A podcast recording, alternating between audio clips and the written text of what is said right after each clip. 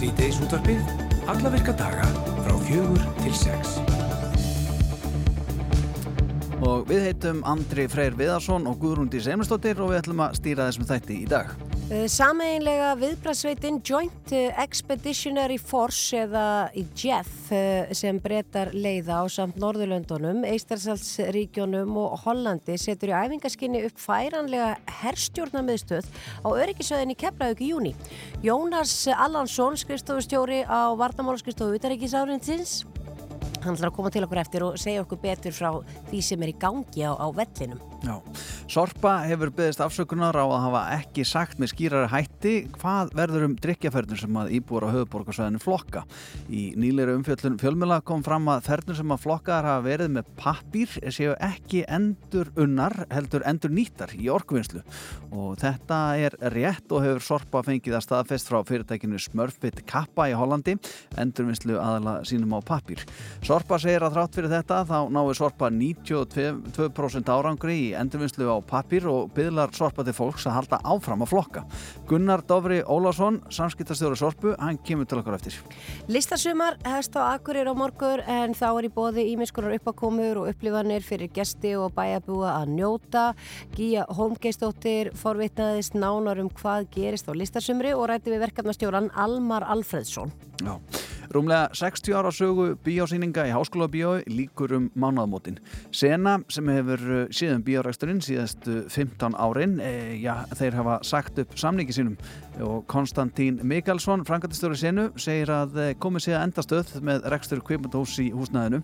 Og uh, auknar kröfur neytenda um aðstöð vegið það þingst ásamt minkandi aðsókn. Við fáum til okkar á eftir Áskrim Sverrisson, reistjóra veðmiðilsins Klapptrés. Og það er einmitt fáir fróðar um íslenska kvipmyndagerð og kvikmyndir almennt en hann er mitt og, og já, við rákum augunni í fæslu og fjersbóka síðans þar sem hann rifiði upp fjölmörg já, ansi svona góð, já, góð minningabrót úr, úr háskólabíu Hollvinnafélag Varmalands stendur fyrir bæjarháttíð sem að kölluð er Varmalandsdagar list og list. Varmaland er líklega eitt minnsta þjættbyrju landsins en smæðin mun ekki standa í vegi fyrir glæsilegri háttíð. Viljálmur Hjörlisson, hann segir okkur nána frá Varmalands dögum á eftir. Já, en þið heyrðið hann áðan hérna í frettunum og hún er Markusi Þóralsinni, frettamanni á Rúf og hann er hingar mættu til okkar og ætlar að segja okkur nýjastu tíðandi af erlendum frettnum. Sætla blessaður og velkomin. Já, komið sæl. Ámar ekki ansamt að byrja á þeim böggum hildar sem að þjóðin er sennilega með yfir tíðundunum af háskólubíói. Jú. Jú. Ég held að allir sem eru komin á ákveðin aldur eigi nú ímsar minningar úr þessu bíói sem hefur verið bíó í 60 ár. Já, einmitt. Bygti og lítur út eins og myndavill. Já. Og ég á eina mjög sterkar minningu úr þessu bíói þar sem ég stóð upp á hvað var svona pallur fyrir ofan það sem að síningavélarnar eru. Og þar var ég og æskuvinnum minn einn að stjórna ljóskosturum fyrir daldi mörgum árum þegar að hljómsveitin Íska Döblinest kom til Íslands og spiluðu fyrir fullu húsi. Og við vorum hérna 14, 15, 16 ára eitthvað að gæjarnir á kösturunum og sjáum til þess að, að gamlu mennininn á sviðinu segist nú vel. Lítu vel út, já. Já, já, við, þetta var gaman. Það þurftum alltaf að lýsa þetta fyrir að taka Whisk in the Jar. Já, og, heldur og fle betur. fleiri smelli sko. Það er í góða smelli. Já, ljósinn þeirra að vera hálfið Irish Rover og eitthvað. Já, já, en það er svona, svona já, ein vinning sem ég á á Háslubí og það er uh, svona félagi minna austan sem að trúi því að, að húsi myndi leggjast saman á kvöldin Já, af því að þetta er eins og segir, byggt svolítið eins og myndavel Já, já. og harmun eitthvað líka. Og svo alltaf þegar síðastum maður er farin út þá er ítt að takka og þá svona það geta alveg gæst Er einhver vakandi á nóttinu eða? Nei, ég ég veit ekki. Og Hefur einhver séð það ekki leggjast saman? Akkurat, allir svo undan nóttina það veist Já. það, engin síðan þetta Við sofum alltaf vel í vesturbænum En breðum okkar aðeins út fyrir landsteinuna Markus Já, rétt áður en ég fór að vaktinni í morgun eftir nóttina að Ukrænu vegna þess að uh, það flætti vatni í gegnum stíplu í Kersson hér aði. Það sem að rússar ráðaríkjum og uh, þetta var náttúrulega aldrei óljóst til að byrja með og er kannski ennþá pínu óljóst hvað þarna átti sér stað.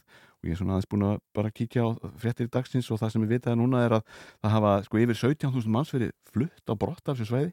24 byðir og þorp uh, bara komin á flott mm. gríðaleg stíbla að e, og mikið upp, uppistöðu lón sem hafi verið að sapnast í mikið vatn e, í langan tíma Já. þannig að það að er mikið að flæða og e, rússar og, og, og úkrænumenn benda hverjir á aðra e, Selenski og, og hans fólk segir að, að rússar hafi komið fyrir sprengjum og grandað þessari stíblu og eðalegt hana e, og rússar segja að sprengju árásir úkrænumanna hafi, hafi eðalegt stíbluna E, og þetta, það var líst yfir neðar ástandi í þessu svæði, þessu Nóa Kakóa héræði, þar sem að stíblan er, hún samnend og uh,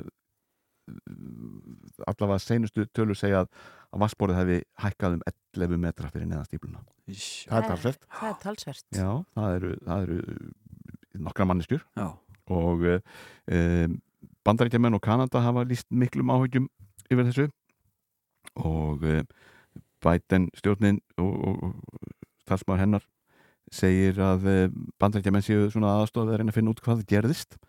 Uh, Justin Trudeau fórsetið þóra Kanada hann uh, segir að, að uh, þetta atvik sé enn eitt dæmið um hræðilegar afleðingar af ólöglegri innrásrúsa í Ukrænum að en Svo, þá, svo sáum við fréttir í morgunum að það væri einhver hætta þá á kjarnorkuslissi. já það var eitthvað að vera að tala um það.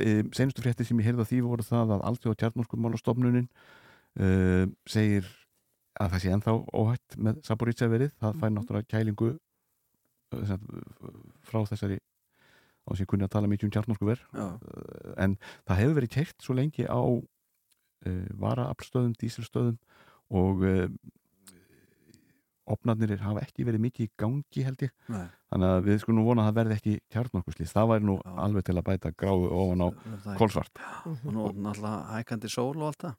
Já, svo er það nú. Já, Æja, við vonum það besta. Já, já, og þetta á allt eftir að skýrast á næstu dögum en, en Charles Michel sem er uh, fórseti Európauráðsins hann uh, kallar þetta stíðskleip og, og kennir rúsum um. Já. Þannig að þetta er svona, þarna er flóð og það eru líka flóð á Hæti núna á síðustu dögum. Uh, Hæti svona dettur inn og út úr fréttonum uh, og yfirleitt aldrei fyrir eitthvað skemmtilegt. Það er eru neikvæða fréttir. svo litið mikið af neik- neikvæðum fréttum og það er um það byrj helmingur landsmanna sem að þarf á mannúðar aðstóða að halda. Býr nánast við, eh, við hungurmörk og eh, ekki er, er þessi flóð til að bæta úr skák. Kom úrhellis regning og illveðri svona samkvæmt lýsingum allavega íslenskt ofsaveður.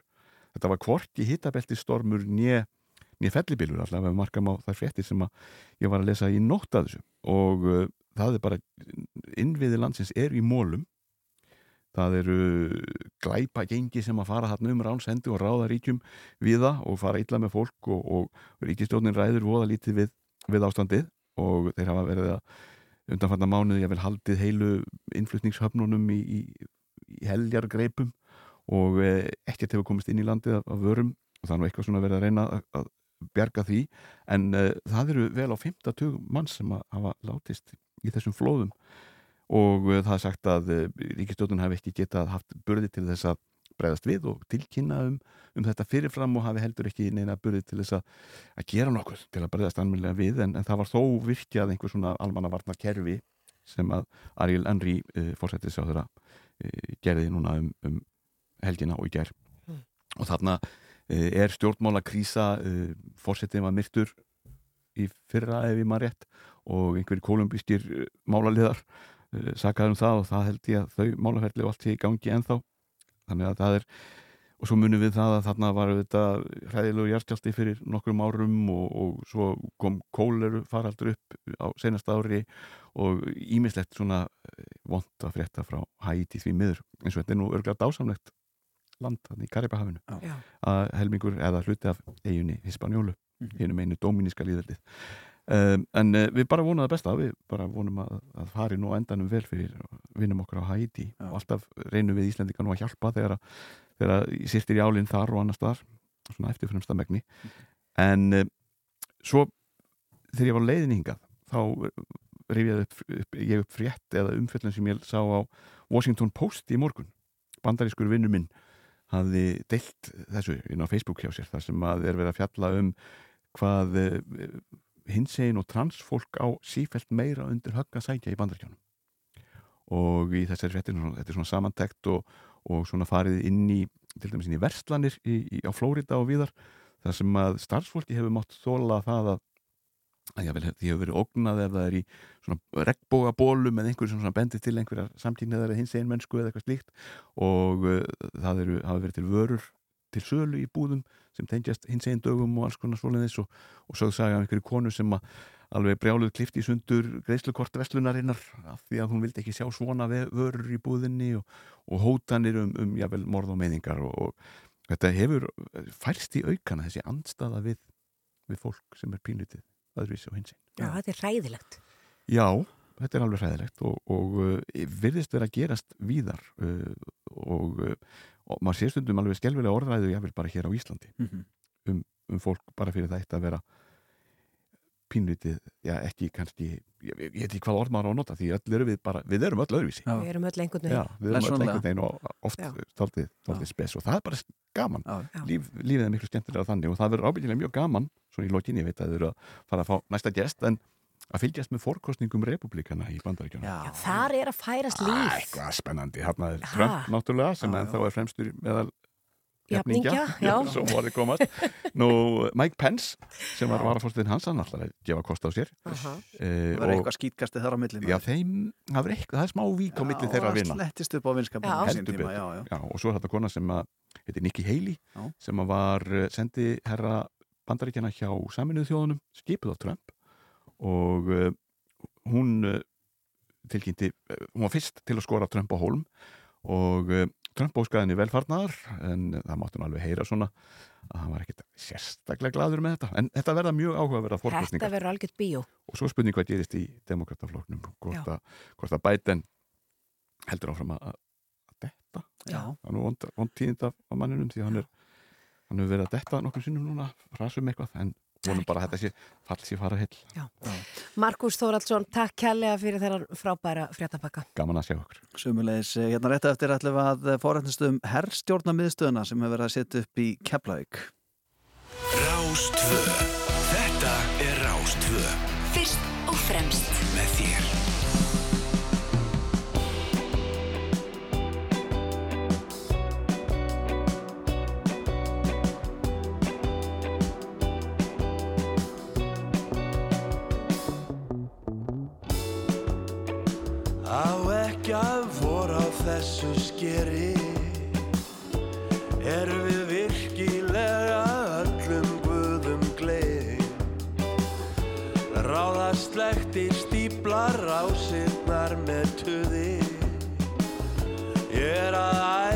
ærast verða komast eitthvert út. Mér er að leið. Látt út í hafsauga. Ætla ekki að hveðja neitt Já, mín aða leið. Hvað svo sem býður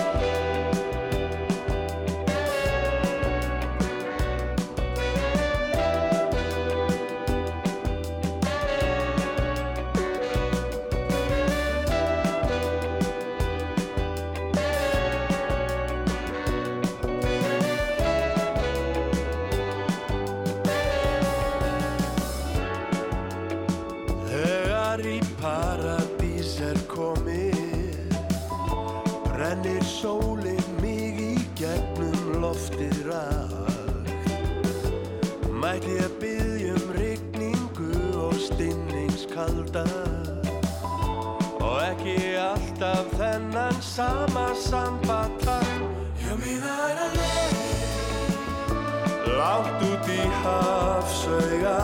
Já, mín aðra leið Ætla ekki að hveðja neitt Já, mín aðra leið Hvað svo sem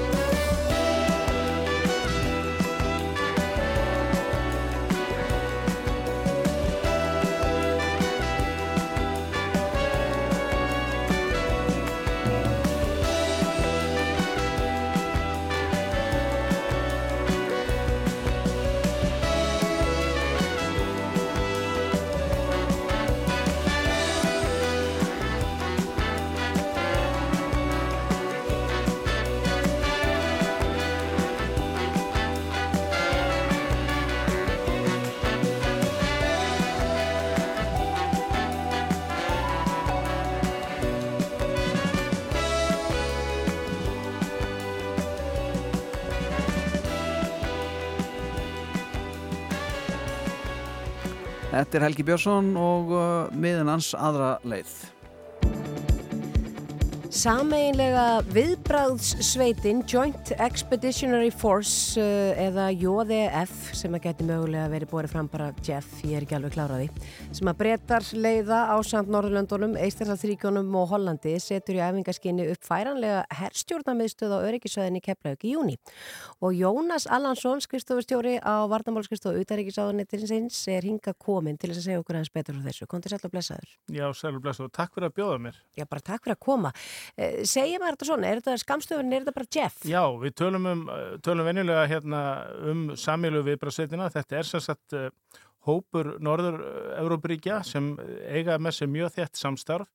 Venjulega er þessi herstjórnarmiðstöð staðsett í London en hún hefur verið færð á milli landana til að gefa ríkjónu tækifæru á því að kynna betur starfseminni þá eins og hér heima í landilskerslunni og, og, og viðbrasalum hvernig Jeff starfar og líka ekki síst að gefa starfsmörunum hjá Jeff tækifæri að sjá hvaða innviður og hvaða aðstæður á Íslandi. Þetta eru ólík ríki þó við náttúrulega séum öll Norður-Európaríki þá eru aðstæðunar ólíkar og það gefur þá okkur tækifæri til að ræða ólíkar sviðsmyndir og, og eitt af markmiðunum með þessari æfingu er að ræða svona ólíkar sviðsmyndir sem sagt í einhverju krísástandi og hvernig ríkin geta sammeiglega unnið saman og þetta eru ríki sem eiga með sér þjætt samráð og samstarf nú þegar í NATO og, og þó að Svíjar nú eitt af þessu ríkjum og verður náttúrulega vonast til þess að Svíjar komið fljótlegin í NATO líka Finnlandi komið þangað inn en þetta er allt ríki sem deila svona svipuðum öryggisaksmunum og, og hérna hafa svipaðan álgun á, á öryggismálun og þess vegna er þetta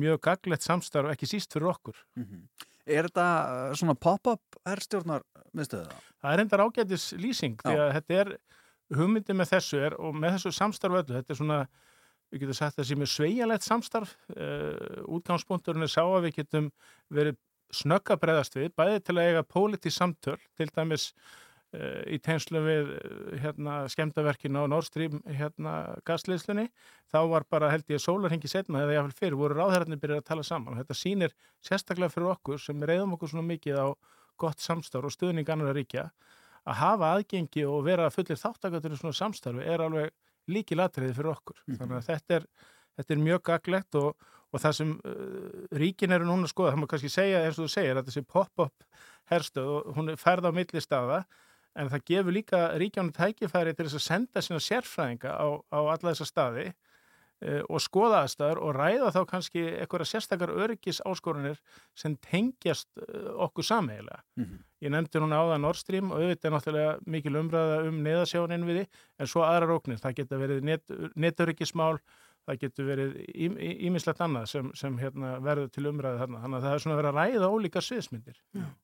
Og nú verður þetta í júni uh, og þetta er færanleg herstjórnarmiðstöð. Er þetta þá fluttingað til lands eða er verið að nýtast eða notast við eitthvað sem er til og, og annað dvelur þá fólk hér í lengri tíma? Já, þarna einmitt bendur á það sem er kannski mikilvægt fyrir okkur að hugsa um að því að við þurfum að reyða okkur á það í flestu tilfellum að aðri koma og styðja við okkur aðstof og þá er mjög mikilvægt að þessum innviði getu og þekkingu til að taka móti öðrum sem eru tilbúin að koma og aðstofa okkur. Og það er eitt af því sem við erum að þjálfa líka, er að hvernig tökum við á móti þarna um 200 manna lesabla sem kemur hér, setur upp aðstöðu, þeir eru með aðstöðu til að segja samskipti sín á milli.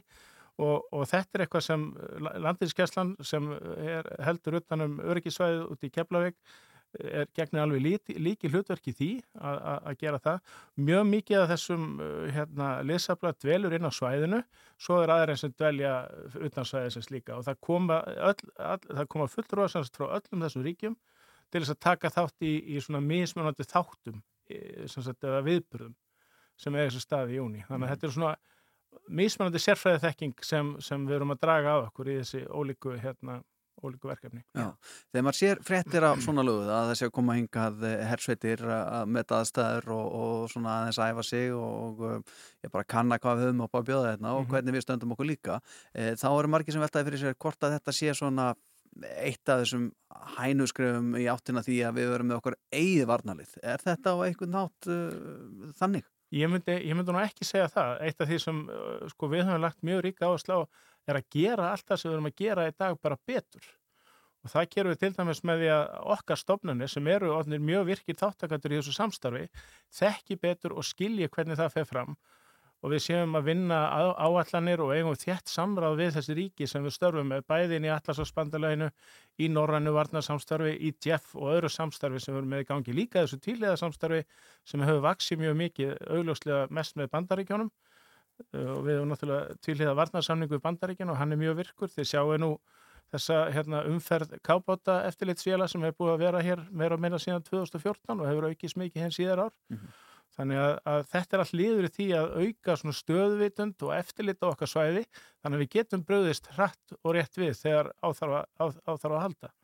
Er eins og uh, svona búnaður, ef maður sér fyrir sér herrstjórnamiðstu, ég sé fyrir mig bara tölvurskjáðu og allt mm. og bara allt, ég er rosa mikið af tækniatriðum, eigu við þetta til eða er þetta allt fluttinga til lands eða er þetta kannski bara orðið rosa lítið og einfalt og kannski bara einn fartölva árið 2023? Við erum vel tengd inn í þessi sagt, samstarfskerfi Atlasafsbandalagsins og svo núna í gegnum Jeff og, og önnur kerfi og allt það samstarf sem við erum í er með sín eigin kerfi. Þannig að við erum, erum vel tengd inn í, inn í, inn í þau.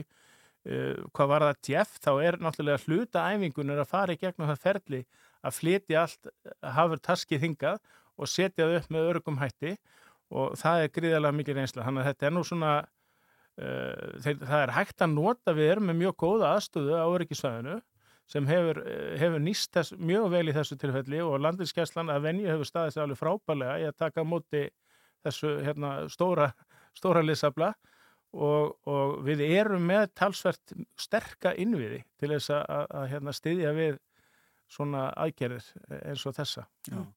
Nú um, erum við Íslendingar mjög forvitin þjóð uh, og margir eflust að hugsa með sér að um helgina þá að taka rúndin upp á keflækuflöðull og, og sjá hvað er í gangi. Er það í bóði? Getur fólk eitthvað nefnir séð? Það er, það er, þetta er nú þannig svæði, það er kannski ekki hægt í þessu tilfelli en það verða einhverjar kynningar í, í, í, í tengslu með þetta og þetta verður nú svolítið sínilegt og við munum reyna og, og þakka ykkur emitt fyrir að bjóða mér hérna til ykkar að við munum náttúrulega gera betur grein fyrir því hvað hérna, fer þarna fram og, og hérna, greina betur frá því og það verður einmitt fyrir fjölmeila sérstaklega sérstök dasgrá. Já og það verður þá kannski svona gluggi já, já. til fólksins að sjá það í gegnum fjölmeila. Akkurat, akkurat. og það er mjög, mjög mikilvægt einmitt að sé lifandi umræðan um þessu mál og, og fólk hérna átti sig og skilji betur hvað, hvað um er að vera þannig að Já. það er bara mjög jákvæmt Já. Jónas Allansson, skrifstofu stjóri á Varnamála skrifstofu utanriki ráðanættisins, takk kjærlega fyrir komuna í Sýtegisútvarpið Takk sem leiðis Sýtegis útvarpið,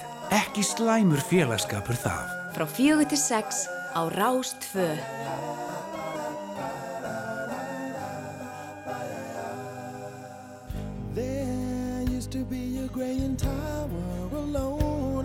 the sea. You became the light on the dark side of me. Love remains a drug that's the high and not the pill. But did you know that when it snows, my eyes become large and the light that you shine can't be seen? from a rose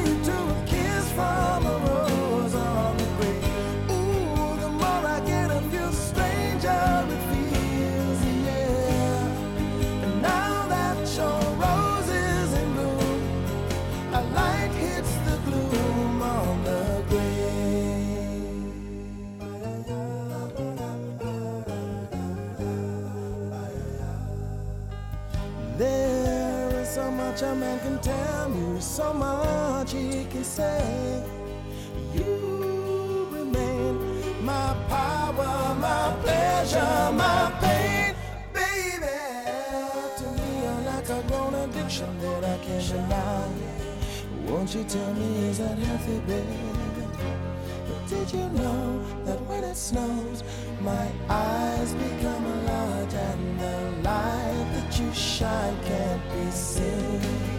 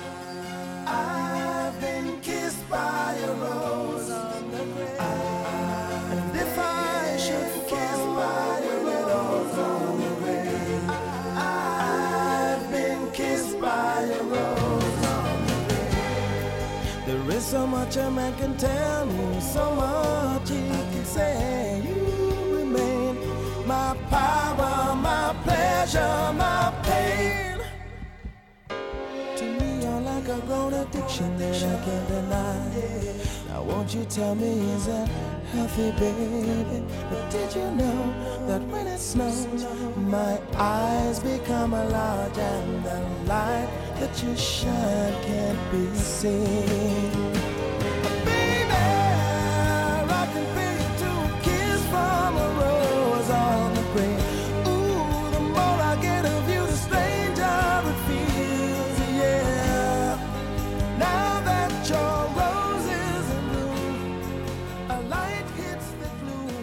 Þetta er Seal og lagið Kiss from a Rose. Veðurhorfur næsta sólaringin. Það er komið að þessu, Andri minn, að Mhm. kíkja aðeins til veðus. Uh, Hvað segir mér um þjóðatíðaveðrið í ár? Þjóðháttíðaveðrið. Verður 17. júníin rauður eða hvítur? Já, hann verður nú eflust bara rauður. Það þarf ekki að vera. Ég reikna nú ekki með neinu öðru. Ég man nú eftir einum hvítum. Ég ætla að vera- vona að hann verði gulur, með þess að Já. Það er þannig langt í 17. júni. Jú, jú. Allt og snemt að uh, segja til um það. En aftur minni á það, það er alltaf að koma í jólaveðri svona tveimur mánuðin fyrir jól en aldrei annað veður. Nei, nei. Það stórmerkilegt. Já, já. Uh, ég ætla að kíkja aðeins á spána. Það er vestlæða breytilega á 3-10 metri á sekundu skýja viðast hvar og semstað lítið svolítið að væta en yfirleitt bjart suðaustan til á landinu. Hæg suðlega átt og þurft á morgun en gengur í sunnan 8-13 og fyrir að rigna vestaland setnipartin. Uh, hiti 8-18 stiga deginum hlýjast á suðausturlandi í dag en norðausturlandi á morgun. Já. Þannig að þetta lítur svona út. Uh, svo voru menn eitthvað að vonast til þess að svona um helgina Já, já, hún fyrir að glenna sjálf að dæn og allra hún gefur okkur alveg fram á miðan næstu viku. ef við kíkja sunnudagi núna Andri Já. þá er sko þá eru eigilstæðir ennþá að fá sína 19 gráður og sól og akkur er 15 gráður og sól og kirkjubæðaklustur eins. Já, já. en munurinn er sá að hér að þetta sjást til sólar hér á suðvesturhóttinu og vera 10 gráðu hitti og eins í Bólungavík 11 steg hitti þannig að það er vonandi að svona sumari fara að færast yfir allandið Mm Ég er náttúrulega að lesa hérna á austurfrett.is að eh, nýliðin mæmánuður er svo næst hlýjasti sem mælst hefur á eigilstöðum síðan að mæleikar hófust þar. Já, það er fallegt á meðan að hér á Suðvesturhóttinu var þetta já, sólar minnsti mæmánuður uh, já, nánast frá upphæða Já, mælinga held ég. Það er bara aðeinslegt og ég held að, að væri, þetta væri hundleðald að það var alltaf eins viðar á landinu sko. Ég maður vill ekki sjá það. Nei, nei, nei, Við myndum ekkit vilja hafa þetta eins og spáni. Þetta er bara nákvæmlega eins og það að vera. Ha, Nei, spatt, við viljum ekki vakna bara alltaf í sól og blíðu og geta treyst á það að það verði bara er nóg veður. eftir að þetta er hættur. Hætt að borða eh, úti. Já, já, Gunnar minn, veistu hvað gerðist þessum degi árið 1891? Nei, Fyrsta skurðaðgerð á Íslandi með fullri smitgátt var gerð á sjúkrarhúsinu á Þingari. það er nokkuð merkilegt. Mér finnst það stórmerkilegt. Já, 1891 já. Og maður alltaf bara er ekki skarpar en það að maður bara sér fyrir sig bara fólk með hrífur bara að klóra upp sárin sko. en það er greinlega meira upp á teininum hann á Þingari sko. Nú 1914 á þessum degi þá var í fyrsta skipti í sögu Íslands eh, brúðhjónum ekki til víkslu í Bifrið. Höfðu þau bara farið á hesti? Já, eða er allt þetta bara. Hjólað kannski, Mm. það er aldrei að vita. Hjólað? Nei. Akkur ekki. Það verður enginn að hjóla þá. Gunna, árið 1891 voru að gera skurð aðgerir á Þingari Já, ég held að hafa enginn verið hjólandi á Sm í smitgátt. Íslandi ára 1914. og maður er alltaf búin að náði hvað smitgátt er sko, þrátt fyrir allt sem við gengið á hérna sko. Konu voru í söðli Já, á já, þessum tíma, já, já, já, ég er nú söðlið þessum tölu orðum en, en á þessum degi er 1915 þá var það Íþróttafélagið Þór sem var stopnað á Akureyri. Og sko við þórsum til hamingi með það. Sjómanadagurinn, hann var haldinn hátíðlegur í fyrsta sinn á Íslandi á þessum degi árið 1938 og svo er það, eh, já, tvö ammálspöld sem ég er með hann handa ykkur, það er annars vegar Stefán Eiríksson, uh, útastjóri. Hann fæðist á þessum degi árið 1970 það er og kæra kveðið frá okkur. Já, já, ég er búin að, ég, ég fór bara að meina persónulega, en það er önnur saga því að Bubi Mortens, hann á líka ammæli í dag og fæðist á þessum degi árið 1956 og við óskum þeim og öllum öðrum sem eiga ammæli í dag innilega til hamingi með daginn. Hér er Bubi sjálfur með frábært lag sem að eh, heitir Soneta. Svo ætlum við að ræða hérna þessum háskóla bíó og mikilvægi, mikilvægi þessa, eh, já, þess menningahús eftir þetta lag.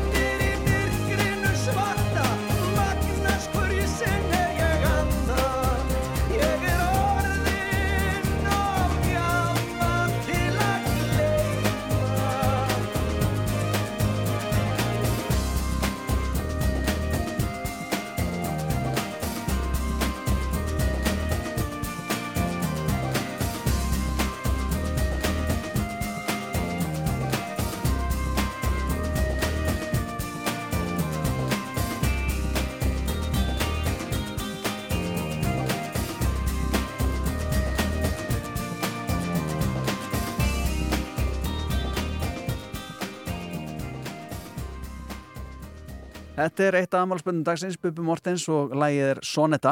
Og hann eh, hefur auðvist séð ansi margar eh, skemmtilegar kaupmyndunar í háskólabíó eins og uh, flestir íslendingar. Og nú á að fara að loka háskólabíó sem hefur staðið opið í, í rúmlega 60 ár og sínt okkur bíómyndir og verið með fjöldan allan að hátíðum og bara nýst okkur einstaklega vel. Og einn af þeim sem áttur að sakna háskólabíós mikis er, er Áskrimur Sverrisson, hann er mættur yngar sælablessaður og velkomin. Sæl og blessaður og sæl og blessuð. Hvernig eh, leggst það í þig að það er að fara að loka háskólabíói? Sko, ég, ég nenni ekki að vera í svona einhverjum hagalögum sorgar og saknaðar gýr en sko, og líka fyrir utan það, þá mun að halda áfram að vera frumsýningabíó í íslenskara kvikmynda. Það er svo Já. Og þá, þannig að ég fer mjög oft í háskólabíó og í, á frumsýningar íslenskara kvikmynda í stórasalnum Já. og þannig að það mun halda áfram, það ger ég ráð fyrir því að síningavélarnir er að áfram og alltaf aðstæða til að halda bíó að, að hérna, En þú ert að fara okkur góða fréttir af því að við Já. vorum að hafa áhyggjur af þessu að þarna er þið kannski bara slaufað við þessum frumsýningu því þetta er æðislegu salur í það. Þetta er náttúrulega bara eini rauninni rétti salurinn allavega fyrir bara stóra frumsýningar vegna þess að sko það hefur stundu verið prófað í hinu bíónum að vera með frumsýningar á íslensku myndum í mörgum sölum samtímis og það er bara, sko þetta er fín bíó allt það, hann vantar ekki eins og smára bíó, eigilsöll eða þess að það en það, það, fólk á að vera saman. Þetta snýst um saminlega upplifun. Þó að þú sért í þínu sko enga og prívat sambandi við, við kvikmyndina þegar þú horfir á hana, þá ertu með öðrum í kringu þú, ert uh, sko, meðvitaður um það og, og þú ert, þetta er svolítið eins og að fara í kirkju og til, tilbyða Guð sko. það, er- það er kvikmyndasýningin Það er ekki verið að spara stórhóðin. Nei. Þú skrifaði pistil á Facebook um háskólabíó og uh, já, við erum svona velta fyrir okkur uh, fyrstu minningunniðinni úr, þessu bíói. Já, fyrsta minningin er, þegar ég er 10 ára gammal 74, þá fer ég með yngri bræðurum mínum tveimur og við fáum að fara einir í strætó úr Hafnarfyrði að sjá endursýningu á The Sound of Music sem þá var náttúrulega hvað, 10 ára góðum mynd Já. Eitthvað svo leis og, og basically pappa og mamma sagði bara þið verða að sjá þessa mynd og farið bara út með ykkur og, og farið í háskólabjó og við vorum náttúrulega, þetta var mikið sport fyrir okkur að fara, fá að fara í þessa svaðil för einir. Þetta hefur verið langt ferðalag. Þetta hefur verið tölu, töl- töluvert ferðalag sko, en, en samt svona basic st- strætó stoppaði við þjóðminnarsafnið og svo þannig löpuði við yfir í háskólabíó. Mm. Það getur rétt ímynd ykkur fyrir 10 ára og 9 ára og 6 ára, það var þetta alltaf prógram. Já. Já. Og var myndið góð? Myndi var stórfengleg sko, eina af þessum stóru sko, bíóminningum sem hefur greifst í minni þegar að segja opnunin þegar uh, minn, uh, sko, uh, Julie Andrews kemur hlaupandi upp í hlýðina og, og allir, þessi- allir þessi fjallasalur blasir við og músiki fer sko, upp í 11 og The hills are alive with the sound of music og svo framvegis skilur. og maður bara, wow Einmitt. Nú er það að meina á senu að eh, svona eitt ástæðan fyrir því að, að háskóla bjóra að loka er að eh, það er náttúrulega minkandi aðsókn og, svo er það kröfur neytenda. Er e, háskóla bjóra svolítið aftalega á mérni þegar kemur að gæðum bíóhúsa í dag? Uh, sko já, ég var nú að tala við hann Tino hjá Senu á þann og, og hérna, sko já, hann bendir á það að, að þetta bíó kannski, svarar ekki alveg þessum nútíma kröfum sem svona þessi nýri bíó eins og Smára bíó og Egilsöll og, og, og, og Kringlum bíó og Sambíóin í Álopakka hafa svarað. Þannig að, uh, þannig að það, það er svona svolítið orðið kannski eftir í þróuninni. Uh, en aðsóknin sko, aðsóknin í háskólabíó hefur minkað, en það er búið að standa lengi, sko, ég er búin að heyra þetta í, í, í sko, 10-15 ár að aðsóknin þar sé ekki nógu góð og þetta sé erfiður rekstur. Uh, þannig að maður svona að þýleitunum til áttum maður svona eða, eða sko, við skulum segja þetta kom mann ekkit rosalega óvart. Um, en, en hérna en eins og bíó aðsóknin sem slík í landinu, hún er alltaf að uppleið aftur eftir COVID. Já, hún er komin upp í 90% núna Já. með að við 2019 síðasta COVID-lausa árið. Þannig að, þannig að hérna, þetta er allt svona á réttri leið. En er þetta ekki svona leðilegt fyrir Vesturbæin að vera að missa þarna þetta, já, þennan stað, þetta bíó og svo, það er þá ekkit bíó, er það í miðborgin nema Bíóparadís? Jú, þetta er náttúrulega, þetta er svo fallegt sko, hérna, fólk, sko, við þekkjum þetta öll, örgulega, sko, það er svo gott að hafa eitthvað þarna nálagt sér, það er svo gott að vita af því, en þú ferð aldrei Nei. þar að lendi er ekki grundböldur fyrir rekstrinu þannig að okkur fóru ekki vesturbæðinga miklu meira þá í háskóla bíó Akkurat. ég meina, þú veist, þau geta þá bara sjálfum sér um kent Já, já. eða, eða þannig ég segi, en, en þú veist uh, en ég skil þetta samt alveg þetta mjög vel, þú veist, þú vilt hafa uh, symfóníuna, leikhúsið bókasöfn og svo framins og framins og þú ert kannski ekki alltaf þar Nei, nei, nei, nei. Þetta er Þú vilt tilheyra menningarsamfélagi sem sinnir, þú veist, kultúr og, og, og er með breytt, Þetta, gerir alls konar hluti. þetta er svona ákveðin tegunda græðki, kannski. Já. En áskrimur, uh, já, þú feð mikið í bíó, uh, áttúður eitthvað svona uppáhalds bíó í dag, fyrir utan halskóla bíó, það sem að það er nú að skella lás. Já, það er náttúrulega auðvitað bíóparti sem ég svona svolítið bjóð til með öðrum, þannig að, þannig að já, það er, ég meina, ég kom þangað aftur núna, hvernig var það, í fyrra sumar, sko, svolítið eftir þá langa byð uh, út af COVID og þá rann upp fyrir mér fullt af fólki þarna, stemning og ég hugsaði, leiti kringum mig og hugsaði, það er eins og þetta hafi alltaf verið hérna. Já, og það var markmiðið okkar. Og það var sko, ég get lofað eitthvað því að það var langt frá því að, að við sæjum í land þegar við byrjuðum. En, en þá allan var það komið. Já, en þetta er einhvern veginn með bíóparadís. Ég man þegar ég heyrði á opnus, það var maður svona, þetta átti að vera bíó fyrir svona öðruvísi bíósýningar og þetta var svona annað format heldur en væri í hinum bíó og svona maður var svolítið stressaður, en þetta er einhvern veginn bara heimili kveikmyndana. Já, það var, það var planið. Og, og, og við vissum auðvitað að þetta myndi taka tíma sinn að, að ná að sko að þetta erði, erði fótfesta í menningunni. Sko bíó að að myndi svona planta sér í, í, í reikvíska menningu og íslenska menningu.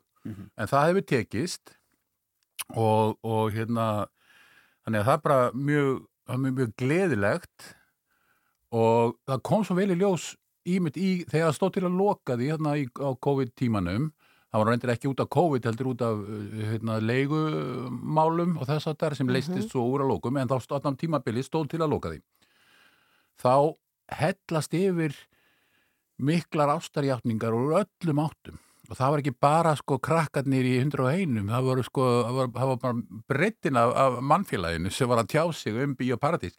Lungin af þessi fólki fer aldrei í bíóparadís en vill hafa bíóparadís. Og það var svo fallegt og þá vissum að já, þetta er komið inn í hausin á fólki að þetta verður að vera til, ég vil að þetta sé til segi fólk. Og jafnvel þó ég fari ekkert aldrei eða, eða mjög, mjög sjaldan Ætlar að fara í bíó, í háskóla bíó núna áður en lokar? Uh, ég þarf bara að aðtöfa hvað er í, hvað er í hérna bíó hvað er að dagskrá því að ég er ekki þannig sentimental sko að, að ég verði bara að fara í bíó til að fara í bíóið Áskrumur uh, Sverrisson, takk kjærlega fyrir komuna í síðdeisúttarpið og uh, góða skemmtun í bíó í framtíðin. Takk. Þú ert að hlusta á síðdeis útvarpið á Rástvöð. Já, við erum hvergin er hægt og uh, við ætlum að fara í stóra fernumálið hérna eftir. Það þarf að fá útskýningar þessu þetta saman. Við langar líka að spyrja því uh, kuna, sko, uh, mikilvægi þess að skóla fernur. Já, já, við þurfum að fara aðeins yfir Skipta það. skoðanir á því, sko. Við þurfum að fara aðeins yfir það. Já, og svo er hérna það á eftir. líka hérna eitt minnsta bæjarfélag landsins, uh, Varmaland, með bæjarátti. Já, er það að kalla bæjarfélag, er það að kalla þjættbíliskjarni, ég veit það ekki. Nei, sko, það að er frábær spurning sem við býða með þanglega við, við heyrim mjónu vilja hérna eftir sem er eina einstu kopum í, í, í þessari bæjarátti sem heitir Varmalandsdagar. Mm Og svo gefum við boltan á okkur. Jú, jú, En, mér langaði aðeins að tala um bresku konusvistur. Já, má ekki vera lengi þegar gíja býður, sko. Já, mér langaði aðeins að tala um Harry Prince. Já, já, hvað er að frétta hann? Og uh, hleranir gödublaðana, Já, hann segir að þessar hleranir hafi skemmt. Skemmt hann. Ég er bara hreinlega eðilegt hann. Nú, Harry Breitaprins segir um fjöllum breska gödublaða sem að hleruðu símans hafa valdið honum vannlíðan og skemmt sambönd við vini og fjölskyldu og hann bar vitni í engamáli sínu gegn Mirror Group í dag. Já. Rísastort máli gangi, Andri. Hann kom fyrir domstólu Lundunum í morgun til þess að bera vitni í máli sínu gegn breska útgáfafélaginu Mirror Group sem að meðal annars gefur út blöðin Daily Mirror, Sunday Mirror og svo The People og máli snýst um efnisöflun yfir 200 frétta og 20 ára tíðanbili, langflestar um Harry sjálfan. Og prinsinn stemdi útgáfafélaginu eftir að uppkostum ólöglegar hleranir og símans. Men hvernig myndi þér líða, Andri, að það væri búið að hlera símaðin alltaf tíð? er ekki verið að lera síman okkar alla tíð? Jú, ég held að núna, en þú ert bara ekkert merkilegur, þannig að það er engin að, er engin að nota það gegn þér. Pásum að sér, Er ég ekki hvað? ekkert merkilegur Ok. eða veit engin hver þú ert Nei. við til dæmis látum bara allt gossa í kringu síman okkar Já, þó að, að kannski kortir eftir þú ert búin að tala um eitthvað þá Mhm. byrtist bara á eitthvað undarlegan hátt auðlýsing á fjörsbókinni um Já, eitthvað sem hún varst að tala um já, já, það er nú bara þannig. það er bara þannig sem þetta gerist Já, já. en Harry, Mm. ef hann segir eitthvað þá er það eitthvað sem að einhver hefur áhuga á sko. Ekki allir. Já, byrju, byrju, ég, ég ætla að lesa þess meira um þessa frétt Þetta er ekki búið, ok. Þetta er mjög ítaleg uh, fréttaskýring hér inn á rúf.is allavega frétt. Uh, það voru sérstu vitnalist fyrir morgun og þar var Harry að lýsa bara megri andút uh, sinni í garð breska fjörmila. Og lögmaður miðilsins spurði Harry hvort að hana mætti ekki reykja lengra aftur enn til uppgötuna um hlerunum miðlana og hann játa, var bara að játa því skiluru. Hann segir ég hef mætt andu frá fjölmjölum síðan ég fættist. Og hann segist það var eignast farsíma á úlingsaldri þegar hann var enn nám í breska elitu skólanum Eton og hann hefði alla kvöldu síðan nota síman fyrir samskipti við nánustu ætningavinni og kærustur. Og talhóls skilabóðu mín inn í heldur ótrúleg, hvað stendur hérna? Já, bara ótrúlegar og hans viðkvæmustu upplýsingar og leyndamál um fjölskylduna og síðar vinnuna í hernum og innan konusvistunar. Og uh, hann sagðist á sínum yngri árum engum hafa átt í samskiptum í gegnum símtöl og, og, og talhólskilabóð sem ég skal trúa því að það er ekki eins og þessi fjölskylda hafa alltaf eitt tíma saman Nei, nei. var kannski verið að tala svona saman móti, sko. Móti, sko. þannig að þetta er, Já. þess, þessu mál er ekki lokið Allt til þess ekki. Já, og hann segir hérna Harry sagði umfjöldun með engalíf hans ekki aðeins að hafa verið ógnu öryggi hans hún hafi einni valdið honum vænisíki og þar með skemmt sambönd hans við annað fólk.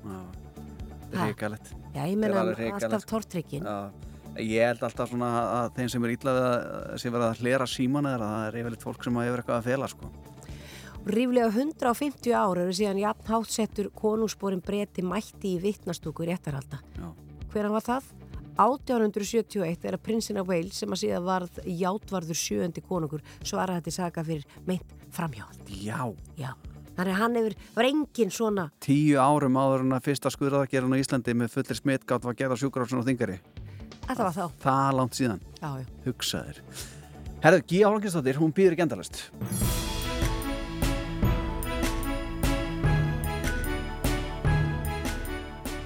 Jú, við erum komin hingað norður uh, á Akureyri og uh, ég ætla að kynna mér svona pínu hvað er framundan hér. Uh, það eru auðvitað alltaf það svona ímessi hátíðarhöld í bæjum viðsvegarum landið þegar að sömari kemur, svona sérstaklega með þegar sömari kemur og ég er hérna að labba niður að ráðhúsi og ég ætla að finna þarna mann sem ætlar að segja mig frá því, já, það er nefnilega svona sömarhátíð að byrja hér á Akureyri bara á morgun. Og hér stendur hjá mér verkefnastjórin Almar Alfreðsson og það er framundan ímislegt hér í Akureyra bæ annað en sól og sumar. Já, það passar. Við ætlum að hefja listasumar á morgun og hérna sem mun standast alveg til 23. júli. Þannig að það verður hellingur um að vera. Listasumar, þetta er nú uh, svona árlegur viðbörur hjá okkur. Jú, það passar. Við erum búin að vera með listasumar með smá klíðum frá alveg frá 1992. Þannig að það er nokkur ár. Og verður eitthvað nýtta í þessu listasumri í ár? Er þið að bjóða upp á eitthvað svona algjöra nýjungar? Í ár ætlum við að prófa að byrja sérst, uh, listasumar á hérna, listasmiðjum fyrir börn, ungmenni og fullotna sem svona, var svona ákveðin hérna, uh, sem við byrjum á öllu tíði fyrra en núna verðum við með þess að ætlum við engungu að fókusa í júni á, á þann hluta þannig að það verður nógum að vera bara sess bara á morgun. Sem er einmitt eh, fyrsti dagurinn. Og hvað ætlið að fagna eða gera eitthvað svona sérstækt í tilvæm dagsins á morgun? Herri já, við ætlum að byrja í fyrramáli á, á hjólabrættarnámskeið með Eika Helga og félaga upp á hérna, háskólaparki. Og síðan klukkan þrjú verðum við með hérna, alltaf sömalistamæður Akurabæður, Egil Andra. Hann ætlar að fagna listasömri á hérna, þakki ingangs listasapsins klukkan þrjú. Það er viðbyrður sem við hefum gert í nokkur ár og opna listasömur alltaf þannig og það er alltaf svona öðruvísi venjú að hérna, en alltaf skemmtilegt Þetta er þetta stór hættulegt að senda listamennin upp á þak. Eru þið vel tryggð? Herri, já, við skulum segja það Þannig að eh, þannig að hann fyrir upp á þakið, sumalistamaðurinn ykkar og, og hvað er það, tónlistaflutningur eða hvernig verður þetta? Herri já, hann ætlar að mæta með hljómborðið og þeir sem að þekka Egil, þeir vita að hann, hann getur gert ímislegt, þannig að það er spurning hvað hva, hérna, hvað hann ætlar að gera núna og sérstaklega núna þegar hann er sumulistamæður, þá ætlar hann að blása verulega í, þannig að það verður gaman að fylgjast með hvað gerist. Já, og svo í júli þá ætlum við að skipta þessum og þá við meira með svona tónlistaviðbyrði, gjörninga og annað skemmtilegt. Og það eru til dæmis Una Torfa í Hofi, við verum með Sögu Garðars og Snorra Helga í Minjasafninu, Kaktus menningafélag verum með svakaflóttan gjörning í listasafninu. Og í deglunni allar að deglan og fleiri aðeinar í listakirinu allar vera svo sem karnival þannig að það verður nógum að vera í júli líka. Nú eru margir sem leggja leið sína til Akureyrar í fríum eða annað og svo er þetta bara allir íbúðarnir sem búa hérna. E- eins og þessar smiðjur sem þið ætlaði að leggja áherslu á fyrir börn og ungmenni er þetta opið, eh, er þetta opna smiðjur? Er hægt að fara inn á dagskrána og, og finna sér eitthvað góða smið, smiðju ef að maður eh, leggur leið sína hingað í, fríum? Já, það er einmitt mjög margir sem að hafa samband við okkur. Einmitt svona þeir eru að skipuleika sumarið og vilja vendilega fá að vita hvort það sé eitthvað sniðið um að vera því oft er þetta sko tveggja þryggja daga smiður sem er bara nokkru klukkutímið senn og gaman fyrir krakkarna að fara á. Og það er endar orðið fullt í einhverja smiður en það er ennþá laust þannig að það er um að gera að kíkja bara á viðbjörðadatalakar á listasumar.is Sko, þið hafið stundum verið svona sérstaklega fána til þess að sína hvar viðbyrður eru og, og, og svoleiðis. Er það aftur þannig? Já, það er einst vel. Og stundum sérstaklega gestir sem vita kannski ekki alveg hvað staðinir eru þá geta þeir síðan rata bara á fánana og síðan eru líka með svona skildi þannig að það er með leið og sér bara lista sem logo eða, eða gula fána, þá veistu hvað viðbjörðun er. Þá bara flikkist fólk þangað. Já. Nú ert þú búin að vera verkefnastjóri hérna hjá Akureyrbæ í nokkur ár. Hvað er það svona sem er mest uh, trikki við að vera í þessu embæti? Já, eh, jú, ég er búin að vera henni nokkur ár og búin að læra ímislegt og náttúrulega í COVID þá nú, þurftu nú endalist að vera breytingur að maður læri helling þar en einhvern veginn þá er þetta alltaf ja, skemmtilegt og maður, maður er alltaf að gera eitthvað nýtt maður hittar alltaf nýtt og nýtt fólk og hérna bara já, þetta er bara ótrúlega gaman Þannig að þú hvetur fólk til þess að kíkja inn á síðun ykkar og aðtöga hvað er búið á listasumri hér á Akureyri. Já, endilega. Takk fyrir þetta Almar Alfredsson og gangi ykkur vel. Takk fyrir. Og, eigum við ekki að segja og gleðilegt listasumar. Jú, er það ekki? Það er vel við hæfi. Takk. Og þá verður þetta ekki lengra að sinni hérna norðan frá mér. Ég heiti Gíja Holgerstóttir og þakka fyrir mig í dag. Sýtis útvarpið heldur áfram hér innan skamsen. Takk fyrir mig og verið þið sæl.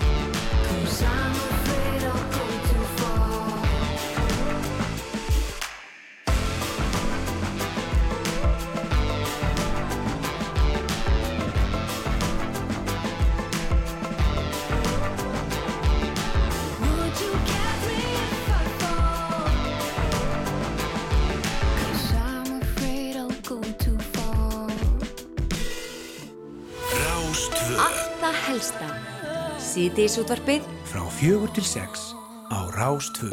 Það er stóra fernumálið sem verður tekið förstum tökum hérna rétt að þessu lagi loknu. Þetta er Mariah Carey og lag sem heitir Fantasy.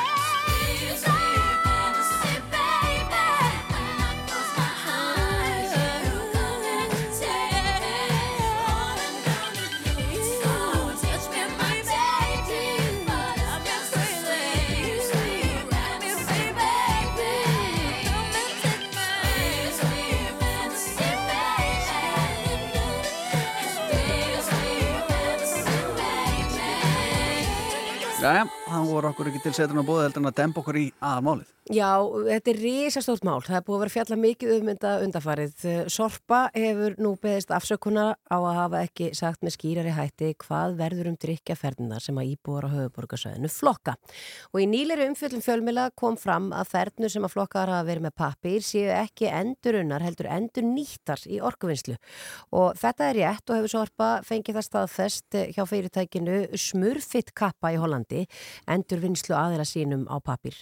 Og Sorpa hefur sagt að þrátt fyrir að þetta þá nái Sorpa um 92% árangri í endurvinnslu á pappir og uh, náttúrulega er að byggla til fólks að halda áfram Já, já, að flokka. Auðvitað. Og hann er komin ykkar til okkar Gunnar Dofri Ólason, samskiptastjóri Sorpu. Kondur sæll og blessaður. Hæ. Já, það er búið að ganga mikið á. Já, þetta hefur verið lífleg helgi, það er ekki að segja annað. Nei.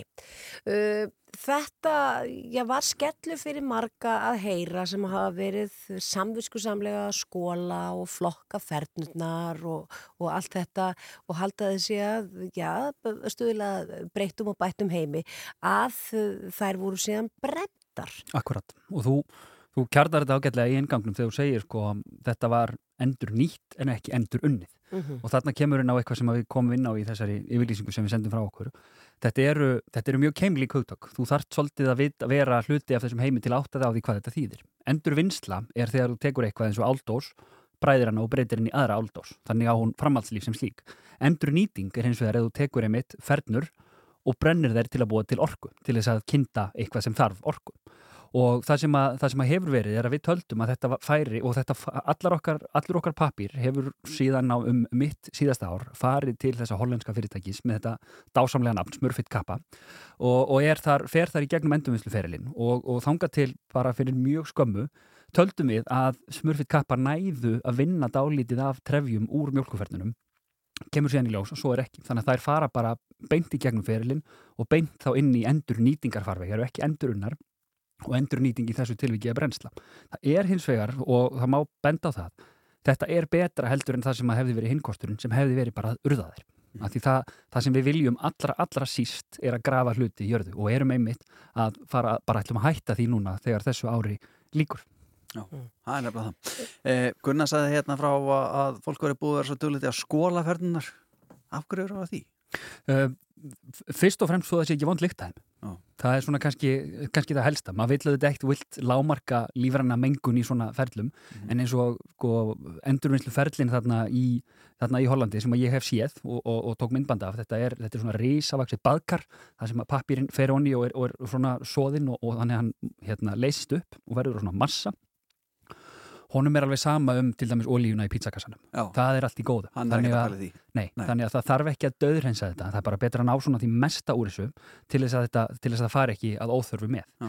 en það er eins og ég segi, það er tilgangur með því að flokka þetta og ég bara bið öll sem hlusta og, og, og, og, öll sem þið þekkið sem hlustið að halda áfram að setja ferðinar í þennan farveg að því núna, ekki nóg með það að við höfum séð þetta fer ekki í nógu, í nógu heldur erum við og svo ákvörum við bara tekin í morgun við ætlum að senda pappirinn núna fyrst til Svíþjóðar þar sem ferðnurnar verða plokkaðar úr og settar til fyrirtæki sem heitir Fiskabí sem að segist geta endurvinnaðir og við, og, og við munum ganga úr skugga um að þau raunverulega endurvinniða. Þannig að það, það er svona kannski ljósið við enda gangana í öllu þessu. Þetta, þetta sem áður fór bara í gegnum, gegnum þetta baðkar í Hollandi og fekk bara góða sturtu þar Mhm. verður núna endurvinnið.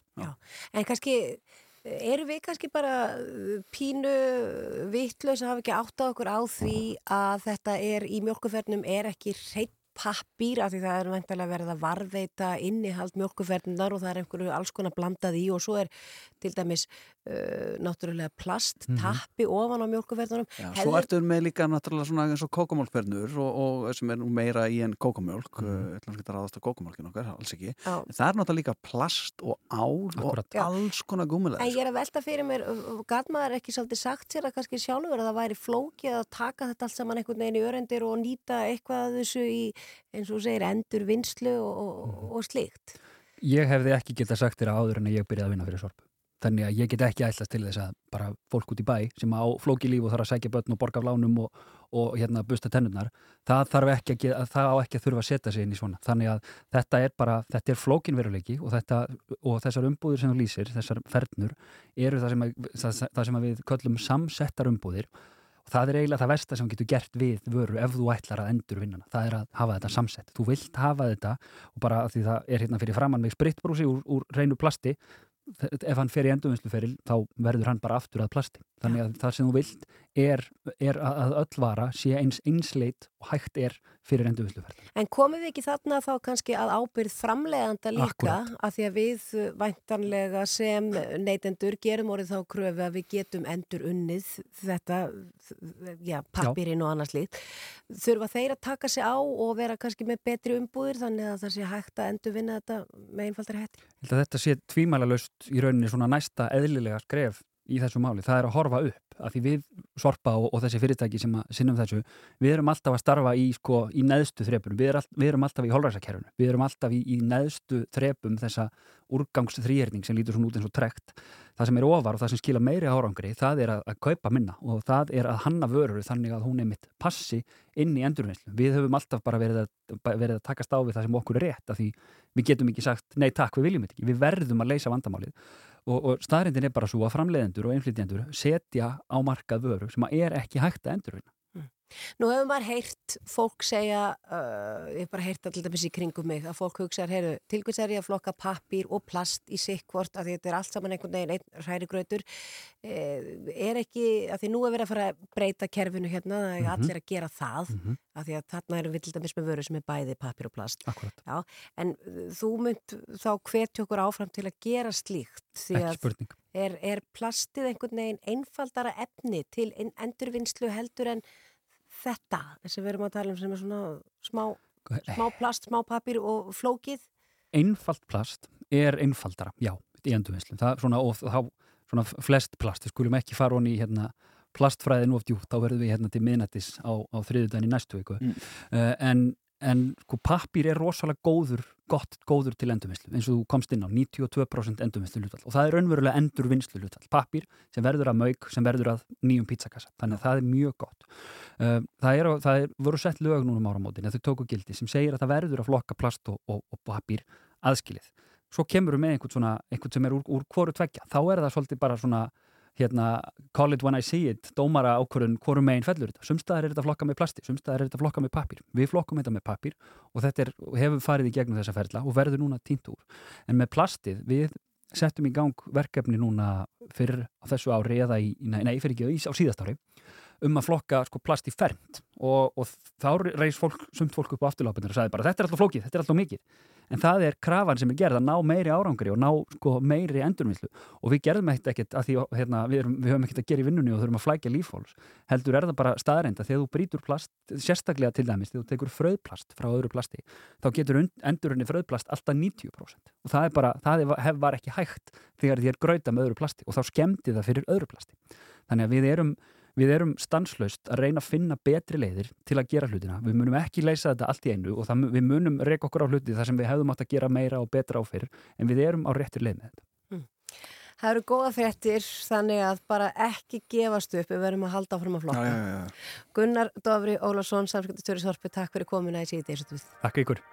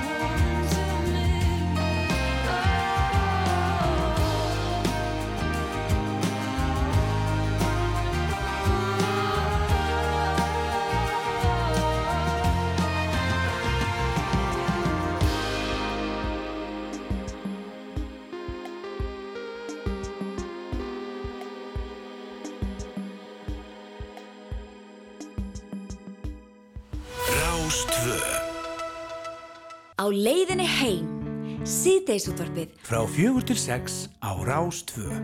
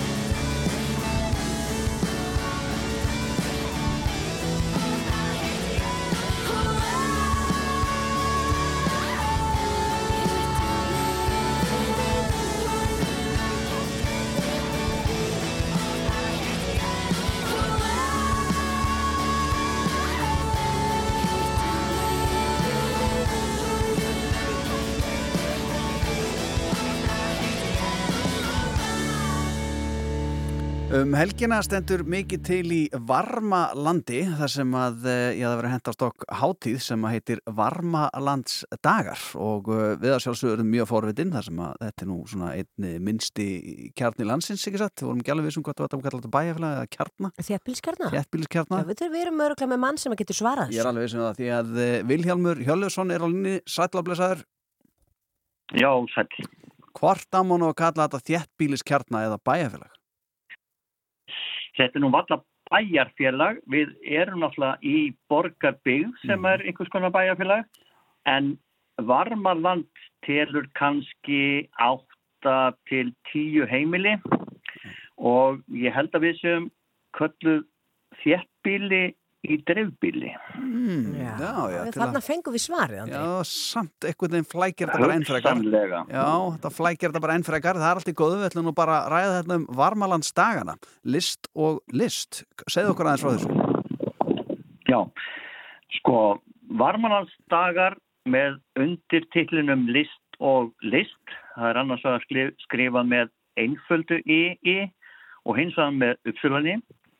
Og um, þetta er núna haldið í þriðja skipti og við höfum reynt að halda e, varmalastagana fyrstu helgina í, í júni svona pluss mínus ef hann er mjög snemma þá bara kannski fyrir við aðra helgina eins og núna. Og þetta er einhvers konar um, um, lista og listasýning þar að segja matarlist og önnur list. Um, við vísum þá til skólana sem voru hérna starfættir og eru ennþá sko, húsmaðraskóli sem var hér. Þar er matarlistin vissulega í, í hávegi höfð. Og svo er barnaskóli hérna og þar er nú mikið fengist við listir líka, það er myndlist og, og það er verið að, að um, gera í mjög skoðan handavinnu og eins og var gert í kvennarskólanum. Núna er þar hótel og þar er vissulega mikil matalist á hótelinu á, á veitkastöndum þar. Síðan er, er svona, setjum við upp síningar úti í fjörðarseimlun okkar sem heitir Þinghamar og það eru um sjö mismundi aðilar sem eru með listsýningar í, í, í sal þar eða sölum þar. Það eru vasslitamindir, það er fjöllistahópur sem að e, gerir ímislegt. E, það eru ljósmyndasýningar og, og oljuverk og, og, og alls konar. Síðan eru við með svona kvöld skemmtanir e, svona kannski eins og í sveitinni e, voru stundum einhver, einhver, einhverja kvöldsýningar. E, menn kom og sunguð að lása upp verkum eitthvað svo leiðis við verðum með Kristján Kristjánsson á löðarskvöldinu á hótelinu já. hann er einhver þekktasti kannski listamæður sem kemur fram hérna núna en, en, en, vissulega þekkja þetta KK Já, en, hann verður á hótelinu Já. og síðan á lögataskvöldinu þá fáum við borgarfjara dætur og borgarfjara bræður út í fyrrasemili Það er ekkit annað maður. En mér finnst að vera að skauta hérna all hressilega framhjá einu listamanni sem að mér sýnist vera hérna á dagskráða sem er það sem að það er í júni en jólasveitin. Er það jólasveitin? Já, hvað er hann að villast þarna? Já, af hverju ekki? Já, rétt svar. Sko, jólasveitnin, af hverju hann bara bundin við hérna kortur 20 myndur af árinu? Einmitt, einmitt. Mikið er það, saman. Er jólalög til dæmis Já. ég er ekki feimi við að syngja jólalög ég, ég vinn nú sem, sem ger ímislegt ég, ég er til dæmis leðsugamadur og ég tek alltaf eitt jólalag með mínu fólki Mikið er það gott að heyra. Það er ekkit annað. Nei, þetta, þetta er eina og veitina. jólahúsið Já, þetta er eitthvað sem að, sem að við eigum mikið af eða það er fólk hérna ég, já, sem á mikið af jólaskutti og við setjum þetta upp og ég vissum að þetta verður mjög skemmtilegt fyrir eh, börnin að koma og já og fullotna alla bara að skoða já.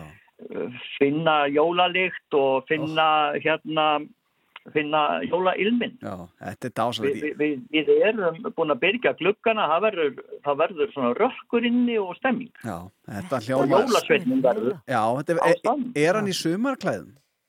Veistu það? Mm, ég held, hann verður nú kannski, hann er rakaður held ég sko, Já. hann sapnar bara fyrir að sapna á haustin sko, Akkurat, akkurat. en hann verður örgla í búningnum því að hann á engin önnur föt. Nei, nei, hann á ekkit Hann- annað. En hvernig, Nei. bara eitt af því þannig nú indisli sundlög, verður hún opinn um helgina? Við vonum það, það er svona, það er verkfall í gangi Já, það er akkurat því. sko. Já, og já. það tengist aðeins eh, sundlaugum og íþróttahúsum en, en við vonum það og Besta, við getum, ég get ekki staðfesta, það verður bara komið ljós. Já, en meðan þið eru með jólasveini, þið þurfið ekkit meir. Nei, nei, nei. nei. Nei, kannski ekki. nei. En, en aðal málið er kannski það að þetta er allt án aðgangseiris. Já, það er nefnilega það, já. Já, já, já. Við fáum styrki, það er, það er, það er félag sem að heitir Hollvinnafélag Varmalands. já. Við sækjum styrki til borgarbyggðar og, og, og samtaka sveitafélag á Vesturlandi sem hefur stað, hérna, styrst þetta mjög vel líka. Og þannig getum við bóðið upp á að, að við þurfum að kaupa að suma listamenn. Já, já, Við getum ekki bóðið listamönnum endalast upp á það að koma og gera allt gjaldfrás. Nei, Nei, nei, nei, nei, nei, nei. nei. En þetta er fallið, Þannig að við viljum fá þá og, og við viljum náttúrulega fá fólkið og, og flytja svona menninguna kannski hingað, Já. þetta er ekkit snobb eða eitthvað svolítið, bara allir geta kynnt sér, Já. þú veist það verður lesið upp á bókum, Já, já. það verður lesið ljóðabók, það er enda skattfinningu sem kemur þar en hann keir oft hérna í gegn Já, já, sko. já, já. Við að. fyrirgefum honum Já, það. já. En, en þetta er þess, þannig að jólinn kosti ekki neitt í ár, þau eru í varmalandi um helgina. og Þau eru í varmalandi Já. Og, KK vonandi tekur einhver jólalög líka Já, já. Hann á hún. og svo eru borgarfæðardætundar það syngja uh, og, og, og borgarfæðarbræðunir, Já. þeir, þeir koma upp með salmabækunar, eh, það er eh, varmalandsdagar um helgina og Vilhjálmur Hjörleusson syngur jólalög oft og yðurlega, sama ja, hvaða tíma ástæða er. Við stiðum það, samt Algjörlega. ekki spila jólalög hérna eh, eins og er, því miður. En við ætlum bara að syngja hérna jólalög meðan við hlýðum hérna á eh, hljómsveit sem heitir Varmland. Þetta er ekki góð tengingu vel? Alveg frábært. Já, takk kærlega fyrir þetta og gangið vel um helgina. Takk ykkur innlega. Já, bless, bless. Þetta er þetta sko Vormland, skilur en Það ef er við lesum þetta bara Varmland Skilgreiningar Já, já, já,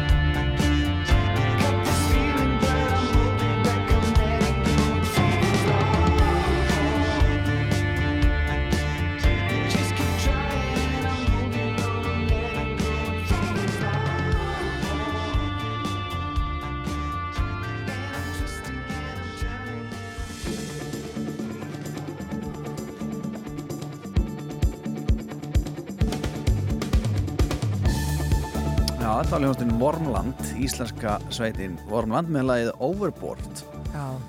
Andri, ég er svona búin að vera aðeins, ég var í fréttum af, uh, Já, af Harry.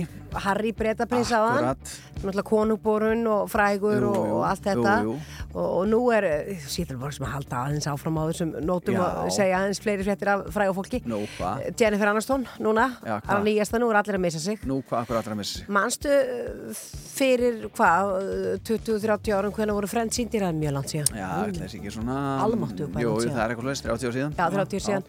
Þá fóru konur inn á hálfgrunstofur og vildu fá klippingu eins og, og uh, Jennifer Aniston var með Rachel, Rachel. Já. Hún var með æðislega tár. Og nú er allir að meisa sig vegna þess að heldur þú að uh, Jennifer Aniston, ekki að það einhvern veginn eigi að vera frétna, en heldur að hún skart ekki hér gráa hári. uh, Já, Þetta þykir fólki bara ægilega flott og hún er svo djörf og, og flott að gera allt þetta eins og það sé ekkert hvað, hvað með akkur svona tjörf? Nei, ég bara átta mikið á því af hverju það er svona mikið fjara fólk yfir þessu. Þetta er 54 ára komið kona Ég meina, við fáum, við verðum öll gráhætt, Já, ha? já Og ég, hún er bara geggjuð. Mér finnst þetta fullánt gengir, sko Nú má enginn Nei, það er gera allir glaði með þetta.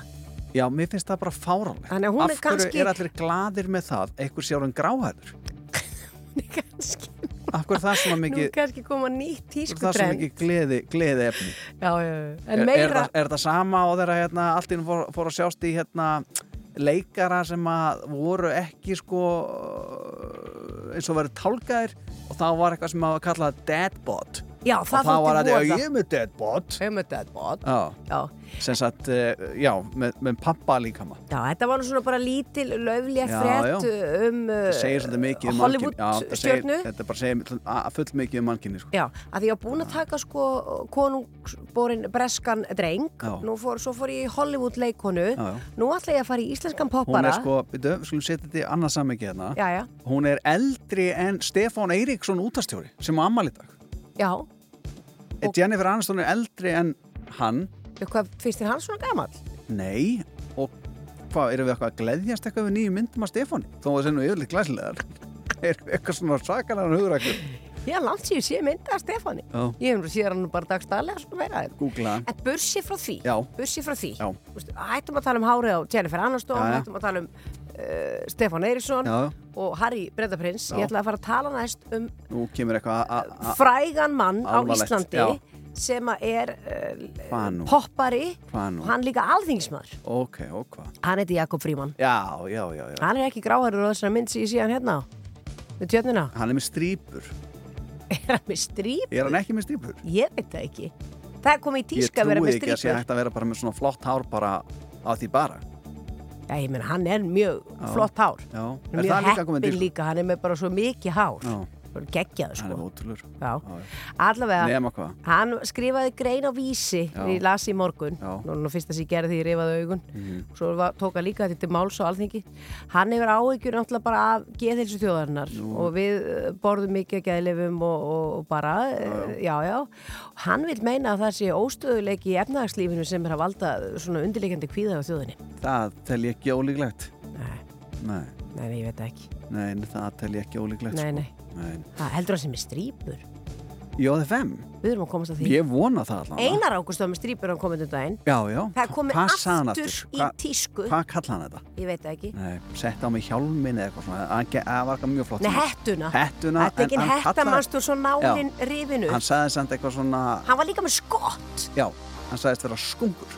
Eins og skungurinn Já, það var eitthvað svona mjög skemmtilegt. Nema hvað, hér er komið að Jeff Hu, þeir eiga lokalag þáttanins, Það She's er- Got the Touch. Sé algjörlega komin. á vel við Jennifer Aniston. Já, ég held að sé komið tíma og við bara hættum þessu þvaðri en við verðum aftur á morgun, engar áhyggjur. sem er. Eitthvað Þú ert, þú, vaknar ekki bara svona.